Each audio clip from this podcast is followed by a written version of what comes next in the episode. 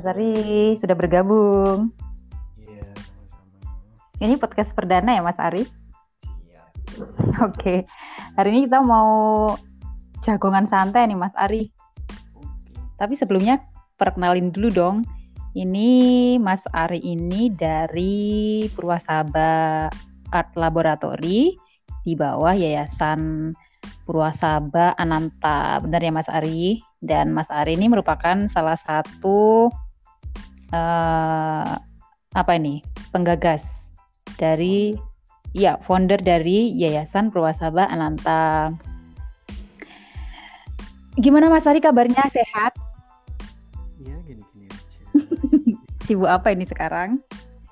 Yang penting masih ada tembakau, semuanya sehat, aman, dan berkendali. Mantap. Itu teman yang tidak boleh lupa ya Mas Ari. Mas Ari ini panggilannya apa ya? Mas Ari eh saya panggil Mas Ari aja ya. Oke, apa aja boleh sebenarnya. Nah, hari ini sore-sore enaknya kita ngobrol, nggak tahu ngobrol apa, nanti ngalir aja ya, Mas. Nah, pertama ini mumpung saya ingat, kemarin itu saya stalking di eh, ins- apa eh, YouTube-nya Purwasaba. Selamat, YouTube Purwasaba sekarang sudah eksis ya Iya. Saya sempet stalking nih. Nah, ternyata ada lagu, dua lagu yang kemarin sempet live dari itu Oh, yang diwakilkan oleh Mas Ari ya. Kalau nggak salah namanya Ki Ari ya, Kiari ya. Hari itu nama nama dari teman-teman aja. Sebenarnya belum punya nama.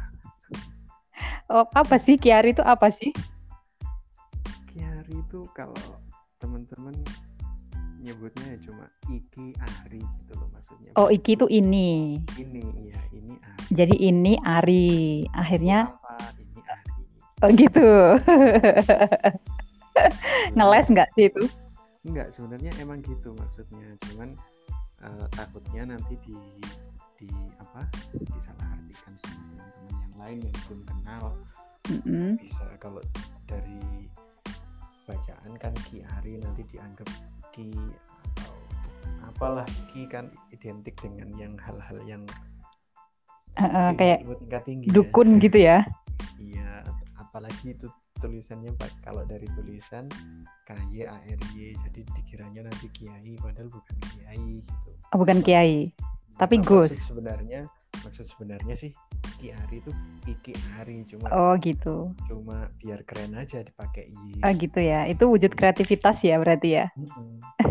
Jadi bukan bukan ki apa itu kalau di kesenian kan biasanya disebut Iya, ki iya. dalang gitu biasanya disebut ki atau seniman yang senior biasa disebut ki gitu ya. Ini bukan itu ya. Jadi iki ya maksudnya. Iya, Iki ini maksudnya Iki. Ini oke. Ini tapi i-nya diplesetin jadi y gitu ya biar lebih beken gitu ya. Kekinian ya maksudnya ya itu ya. Iya. Kemudian teman-teman sebenarnya uh, cuman saya yang dari background tradisi, saya kan backgroundnya karawitan. Sedangkan teman-teman kita kan di itu Sung Records Corporation. Nah, itu teman saya namanya Canadra. Nah itu teman-teman di sana kan rata-rata anak band terus Oke. musisi-musisi musik-musik modern lah ya kalau kata orang-orang. Nah yang backgroundnya dari tradisi cuman saya.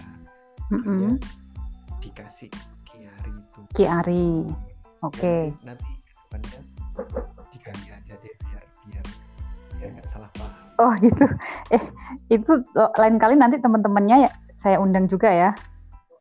Nyore seru Boleh boleh. podcast baru saya Idris Lea Nyore seru. Ini maunya rencananya setiap hari nih, setiap hari eh, sore-sore lah menjelang setelah maghrib gitu ya. Itu kan udaranya, cuacanya kan enak buat ngobrol apalagi ditemani dengan segelas kopi yang rokok juga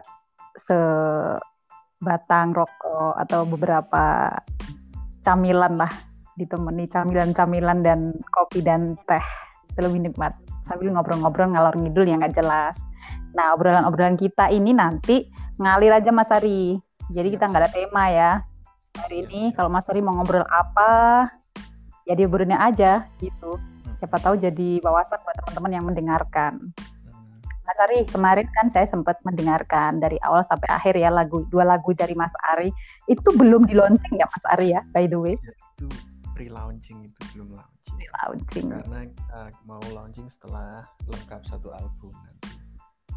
Gitu. Oh gitu. Ada rencana nggak time schedule-nya kapan nih? Biar saya uh, punya waktu untuk menyiapkan ini nih uh, kuping saya mendengarkan.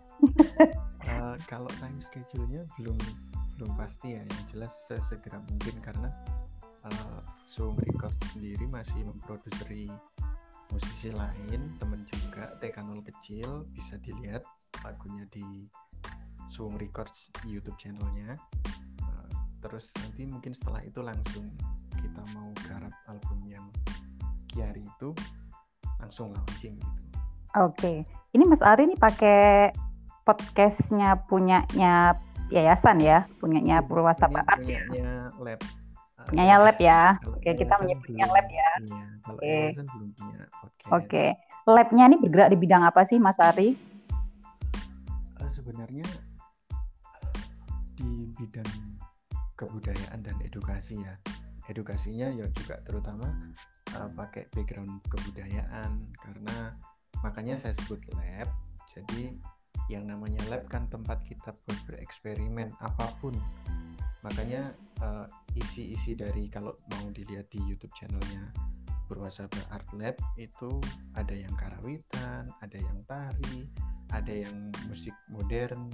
Jadi semuanya kita berproses untuk mencari yang baik.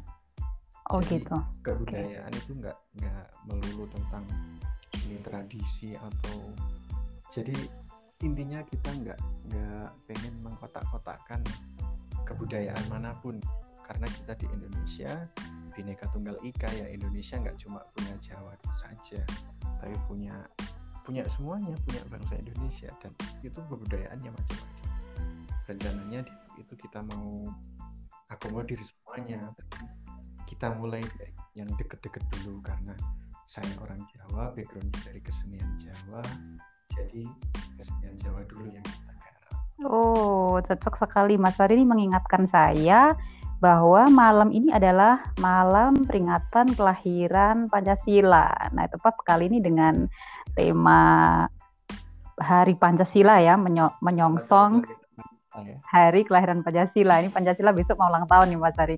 Ini sebagai anak muda ya, anak muda, seniman muda dan uh, komposer juga, pencipta lagu juga, apa aja nih yang belum dilakuin Mas Ari nih? Apa aja ya? Penulis juga. Apa? Uh, ada yang serius itu semua. Dalang juga nggak sih? Enggak, saya dalang kerusuhan aja. nah, ini Mas Ari ini sebagai uh, generasi muda yang multi talent nih. Ada ucapan nggak ya uh, untuk generasi muda lainnya, mumpung hari ini kita menyongsong malam hari ulang tahunnya nih Pancasila sebagai uh, falsafah negara Indonesia. Menurut Mas Ari nih apa yang perlu disampaikan nih untuk untuk generasi muda kita kita inilah. Emang situ masih generasi muda ya? Saya menganggap setiap hari muda Mas Ari. Ya, jiwanya muda. ya. Jiwanya aja yang muda ya. Kalau nggak ada pesan sih, cuman uh, ada satu hal yang perlu kita renungi kaitannya sama hari kelahiran Pancasila di situ kan ada semboyan bineka tunggal ika berbeda-beda tapi tetap satu. Nah saya kaitkan lagi dengan kebudayaan dan background saya sebagai uh, apa ya saya nyebutnya kalau seniman tradisi kayaknya terlalu berlebihan. Praktisi ya praktisi uh, kesenian tradisional khususnya karawitan. Kadang banyak teman-teman itu kotak-kotakan jadi musik karawitan itu dianggap musik tradisional. Kemudian musik uh, mungkin band apa gitu dianggap musik modern. Sebenarnya kalau menurut menurut pandangan saya tradisional dan modern itu adalah pandangan kita bukan bukan pada materialnya apalagi esensinya. Tapi bagaimana kita memandang tentang suatu hal? Misalkan gini uh, karawitan kalau kita pandangnya itu tradisional ya akan menjadi tradisional. Misalnya karawitan yang dulu-dulu lagu yang dikaitkan dengan hal-hal yang uh, mungkin bersifat tradisi atau mistis ya. Kalau teman-teman biasanya uh, nyebutnya itu jadi tradisional. Tapi kalau kita menyikapi karawitan itu secara modern ya bagaimana karawitan itu menjadi musik yang bisa dinikmati semua kalangan lagi pula semuanya itu cuman nama cuman label uh, ya itulah intinya cuma nama cuma label dan istilah aja. Kalau di musik misalkan musik modern ya mbak itu ada kan istilahnya full band kemudian orkestra kemudian uh, akustik band. Nah karawitan kan juga ada kayak gini. Misalkan di nah karawitan nyebutnya nah itu kalau kita modernisasikan mm -hmm. musik, barat itu namanya akustik cuma gitar mm -hmm. atau apa gitu mm -hmm. nah kalau di karawitan kita alatnya pakai gender gender kalau kita transformasi modern jadinya rebab kalau kita transformasikan ke modern jadinya biola mungkin sel mm -mm. habis makan jadi agak gelegean ada anu ya ada apa namanya energi berlebihan ini di di dalam tubuh ya iya. endogen endogen jadi apa ya gini aja deh um, karawitan itu kalau di Indonesia disebutnya anak-anak eh teman-teman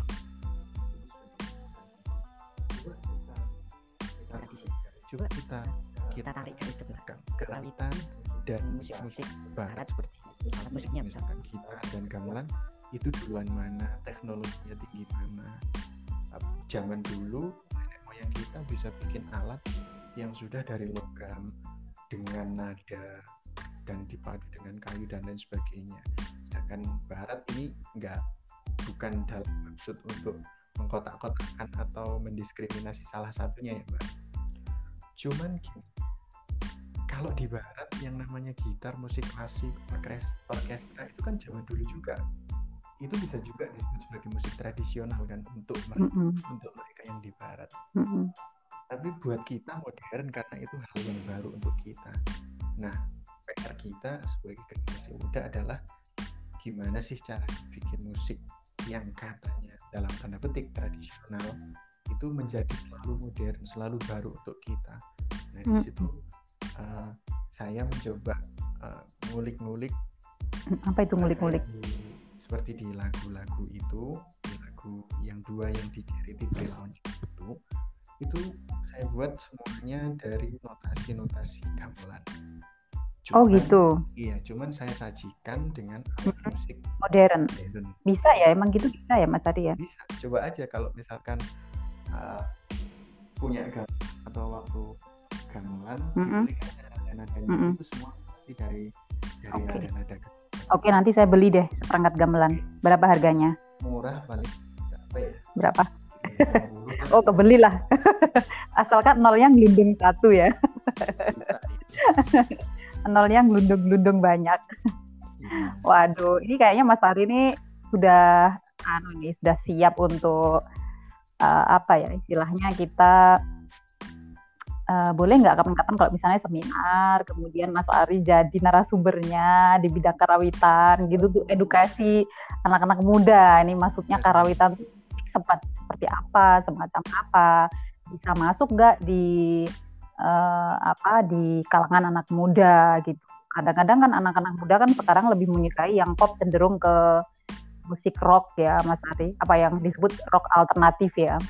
Lebih menyukai alunan-alunan musik yang semacam itu. Nah di Karawitan alunan musik yang semacam itu tuh ada nggak? Itu akhir, akhirnya nanti kan bisa uh, apa anak-anak muda itu bisa beradaptasi dengan sejenis musik itu, tetapi menggunakan bahasa Jawa atau apa ya uh, nadanya berubah dari mungkin dari diatonis menjadi pentatonis seperti itu ya Mas Ari. Yeah. Barangkali ke depannya bisa di apa uh, di dibuat semacam itu supaya anak-anak muda juga lebih menyukai musik-musik tradisi. Saya kadang-kadang juga suka risih Mas Ari karena kan uh, saya juga masih belajar ya tentang uh, seni karawitan.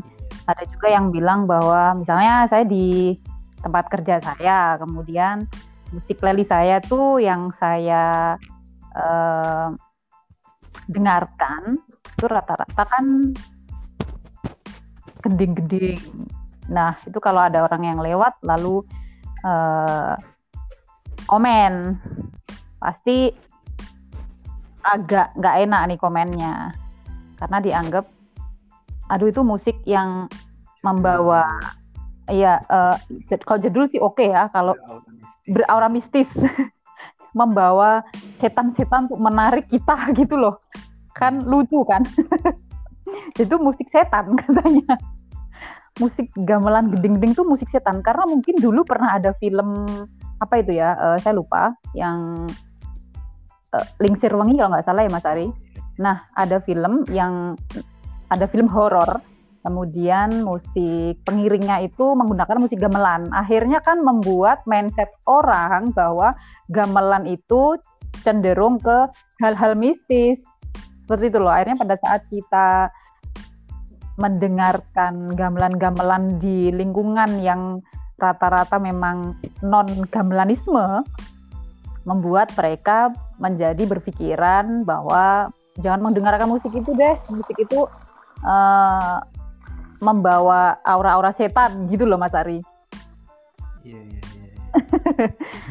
Seperti itu karena di tempat di tempat saya bekerja itu kan memang rata-rata uh, apa ya uh, kaum kaum yang tidak terlalu menyukai musik tradisional. Padahal di luar negeri itu kan juga punya musik tradisional. Apa musik klasik itu juga musik tradisinya bangsa Eropa ya. Iya. Musik klasik. Nah, di Indonesia musik klasik itu dijadikan sebagai musik penenang. Padahal itu di luar negeri di Eropa itu jadi musik tradisional di Eropa. Iya. maka, maka dari itu kami lo saking menikah. Aduh, jadi sebenarnya menurut saya menurut hemat saya teman-teman yang beranggapan seperti itu boleh karena itu hak asasi teman-teman semua cuman kurang bijaksana juga langsung ngejudge kayak gitu ya. Uh, kalau kita ngomongkan uh, dari mistis-mistis itu saya punya pengalaman nih saya mau share ke teman-teman.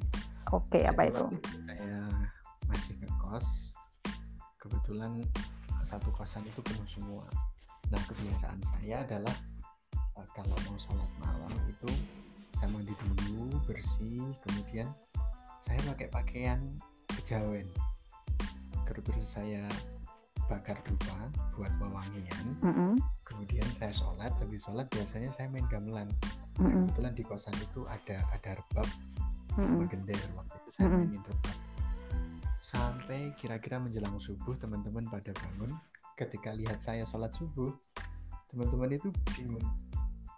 Jadi komennya ke saya gitu mas saya kira sudah ganti akidah ternyata masih sholat subuh semudah itu uh, kita dijudge sebagai uh, penganut mistis atau apa ketika kita bersinggungan dengan uh, musik atribut atribut tradisional, atribut tradisional.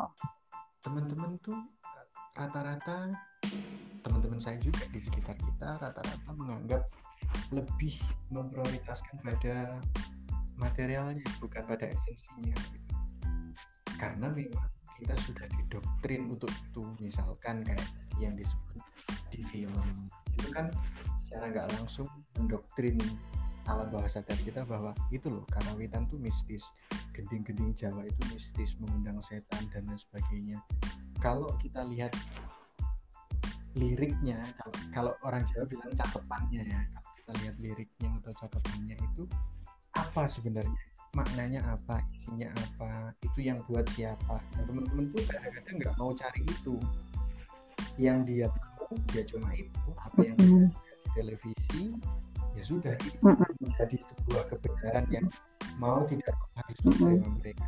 Kalau kita lebih jeli lebih teliti lebih kritis lagi uh, uh, betul. kita bisa dapat lebih dari itu. Memang itu salah satu prestasi netizen, Mas Ari. Iya. Jadi prestasinya adalah tidak mau baca, langsung ngejat iya. orang yang tidak baik. Nah, itu juga di kalau kalau di lingkungan kesenian tradisional ya nggak nggak sedikit juga yang memang mengaitkan kesenian itu menjadi komoditas apa mis, mis, mystical commodity paham ya maksudnya jadi musik-musik itu dibuat media untuk pemanggilan untuk menang intinya di kalau kita nyebutnya biasanya untuk kawruh ilmu kayangan. Padahal zaman dulu itu mungkin ada yang tujuannya untuk itu tapi kan kita kita pemahaman kita baru sampai ini nih rata-rata. Sampai gak karawitan itu ibarat agama. Nah itu yang bikin gending-gending Sunan Kalijaga yang bikin bonang Sunan dan dan Wali Songo. Masa iya Wali Songo ngajarin kita buat manggil setan mm -hmm. kan ya nggak mungkin itu logikanya itu loh. Logikanya ada ada tuh aja. Konsepnya itu loh nggak masuk. Nggak masuk. Otaknya kurang kurang jalan. Otaknya di mana coba?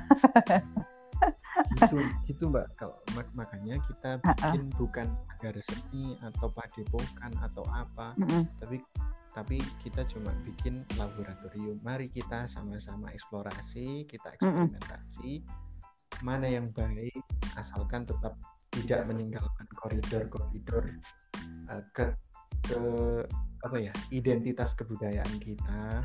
Okay. walaupun gamelan kita gamelan dan nggak apa-apa asal jangan lupa. Mm -hmm. gamelan nggak apa-apa. Asal jangan lupa. Mm -hmm. awalnya gamelan nggak apa-apa mau nih mau gamelan tapi juga demikian rupa sedemikian hmm. progresifnya hmm. jadi genre macam-macam tapi ketika lancaran gugur ya apa?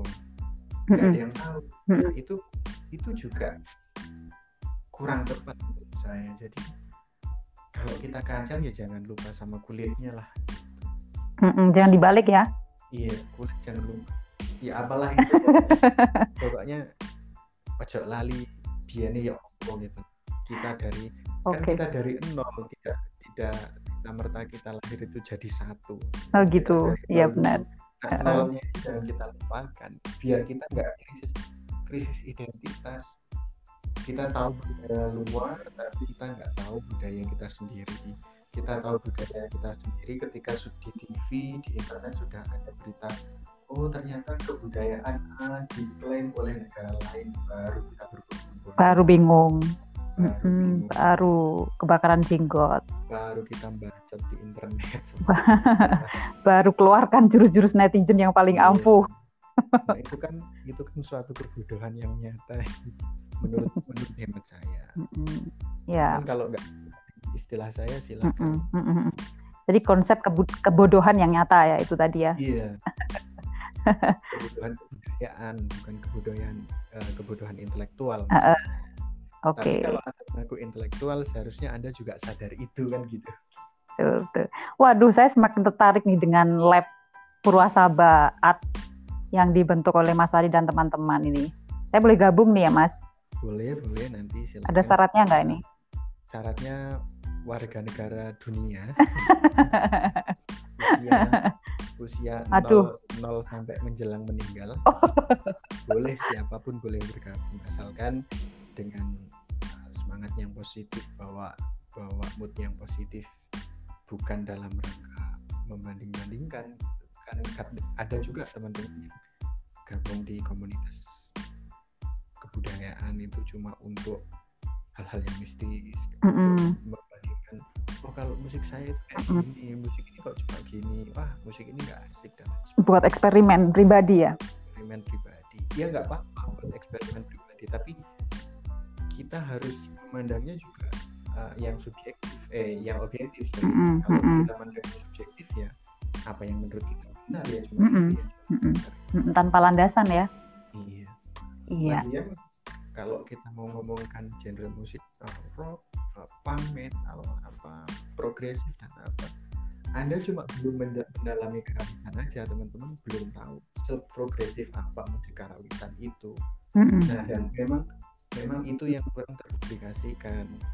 Karena kita mau katakanlah uh, musik karawitan itu sebagai komoditas ya kita jualnya di Indonesia ya siapa yang mau beli? Sedangkan orang Indonesia mindsetnya adalah K-pop yang terbaik Michael Jackson. Apa raja pop apa bintang pop internasional apa dan lain sebagainya gitu. Jadi ya kalau kita mau jual di Indonesia kalah. Kalau kita jual itu di luar negeri akan menarik karena orang orang luar itu sangat menghargai budaya-budaya tradisional budaya-budaya leluhur. Nah, itu yang belum per- yang yang jarang ada di di negara kita bahwa budaya saling menghargai, termasuk budaya menghargai kesenian dan kebudayaan. Utamanya kebudayaan atau kesenian milik kita sendiri yang belum dihargai oleh kita sendiri juga gitu Mas Ari. Padahal itu di luar negeri sangat dihargai, nilainya itu sangat tinggi. Penghargaan mereka terhadap kebudayaan kita tuh sangat tinggi, melebihi ekspektasi kita. iya benar benar juga Tapi, eh, kita kadang juga punya pemikiran gini kalau kita sebagai katakanlah sebagai pelestari budaya oke budaya kebudayaan les- eh, terjaga kelestariannya karena masih ada yang apa ya mbak? Yang ngulik nguri-uri. Tapi lek gak ono sing nganggap ya opo terus kalau kalau nggak ada yang panggil kita buat pentas gimana? Sedangkan pentas untuk kesenian Jawa itu Mm-mm, agak lumayan. Mm-mm, Mm-mm. butuh gamelan butuh panggung mm-mm. sound system Sound dan lain system, sebagainya makanya orang-orang kalau misalkan hajatan gitu ya kalau hajatan ya daripada uh, nanggap gamelan gamelan katakanlah harganya Hmm. satu juta Hmm. gitu. kalau ada organ tunggal yang cuma bayar dua ratus lima puluh ribu kenapa ada organ tunggal aja gitu. Mm-mm. nah, itu itu kadang-kadang juga jadi uh, keresahan kita betapa modernisasi di bidang industri musik itu juga membunuh kebudayaan kita perlahan gitu. Mm-mm. Atau gini Mas Adi, kalau memang itu jadi permasalahan di teman-teman seniman tradisi ya, berkaitan dengan apa eh, susahnya pementasan, termasuk memang anggarannya memang butuh dana besar. Ada satu ide ini, yang ide kita kan ngobrol santai ya, ide, ide- boleh kan ya, punya Boleh, ide boleh, nih ya, boleh ya. Iya iya. Nanti kalau idenya bagus, saya, saya angkat menjadi laborannya. Waduh, tanpa tes ya, langsung masuk jadi Iya, volunteer ya. iya, nanti gajinya lima kali UMR lah. Aduh, terus saya lupa ini tadi mau ngomong apa. Mungkin ide, gini Mas Ari mungkin eh, ada semacam sistem arisan ya, sistem arisan di di lingkungan di masyarakat lah, di masyarakat misalnya di Kota Malang misalnya. Eh, ada arisan warga. Mm-mm. jadi uh, uh, satu misalnya satu kakak itu setiap minggunya arisan 2000 misalnya atau 5000 lah. 5000 kan nggak mahal kan ya kita parkir aja 2000 misalnya satu minggu lah satu minggu sekali 2000 kalau satu kecamatan misalnya itu di- dikumpulkan udah berapa juta. Kalau misalnya di kecamatan Kedung Kandang sendiri aja sudah berapa juta jiwa ya itu. Eh berapa kakak ya? Coba saya cek dulu deh. Iya. Nah, misalnya ada 100 ribu eh, enggak enggak. Berapa ya kakak di Kedung Gadang jumlah kakaknya misalnya 1360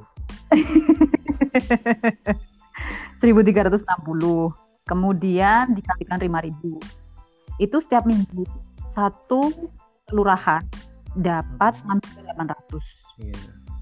Nanti satu bulan sekali kalau satu bulan berarti kan dikalikan 4 jadinya 27 juta. Satu bulan sekali itu bisa digunakan untuk nanggap kesenian tradisi. Jadi kesenian tradisi itu nggak hanya wayangan kan ya?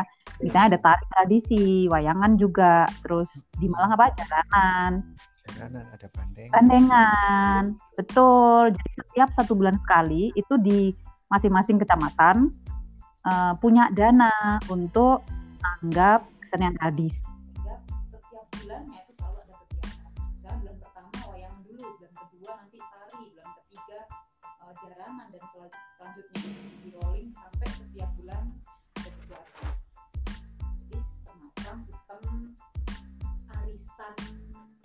kebudayaan, arisan kesenian atau arisan apa ya? iya nah mungkin itu bagus tuh idenya tapi karena saya bukan orang asli Malang KTP saya masih Pacitan Oh, Doakan. Ya? doakan nanti KTP saya segera pindah Malang Berarti udah ada rumah nih di Malang nih. Eh, Proses ya. rumah secara material belum tapi rumah secara esensi sudah ya nanti bisa di, di, diusulkan itu tapi juga harus ada sinergi antara penguasa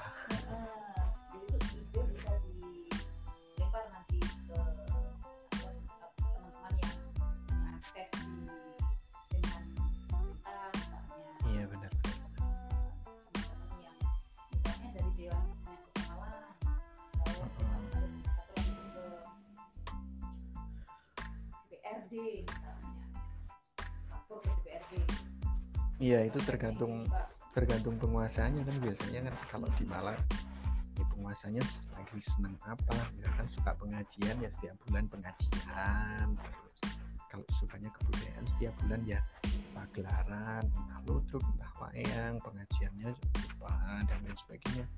Jadi eh, banyak sih yang yang perlu evaluasi kita terutama saya sebagai warga negara Indonesia yang majemuk ini ya biar imbang semuanya jadi nggak ada salah satu yang diberatkan Oke, kan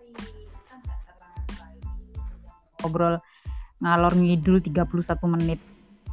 Tadi mulai ngobrolin saya nggak tahu kalau ngobrol sama Mas Ari itu bawaannya ngomongin tentang kebudayaan. Apa memang seniman ya? Atau memang seniman multi talent ya? Jadi kalau misalnya ngobrol dengan Mas Ari pasti otomatis tema yang akan saya bicarakan itu berkaitan dengan kesenian dan kebudayaan. Tapi Mas Ari by the way terima kasih ya atas Oke oke. jagongan sore hari ini. Terima kasih juga sudah mengundang saya. Nanti Kita ne- sharing Siap. saya punya punya tempat buat menyalurkan unek-unek saya. Betul. Nggak bisa diizinkan. Betul, nanti jadi udun nanti Iya. nggak bisa diisingkan katanya Mas Ari. Iya. jadi kita ngobrol ngidul yang nambah inspirasi dan wawasan bagi pendengar ya. Jadi teman-teman yang lain jangan takut untuk ngobrol. Jadi kalau punya pemikiran atau punya ide, punya konsep, punya gagasan itu diobrolin aja. Siapa tahu tuh nanti memang eh, apa ya bisa dikuatkan oleh temennya, ob- apa idenya jadi lebih lebih lebih berat lagi gitu dan dapat bermanfaat bagi pendengar yang lainnya. Terima kasih teman-teman sudah bergabung di obrolan sore kita hari ini ngobrol seru. Sampai ketemu lagi besok di ngobrol seru setiap hari jam nggak tahu ya jamnya setelah kita. Selamat malam.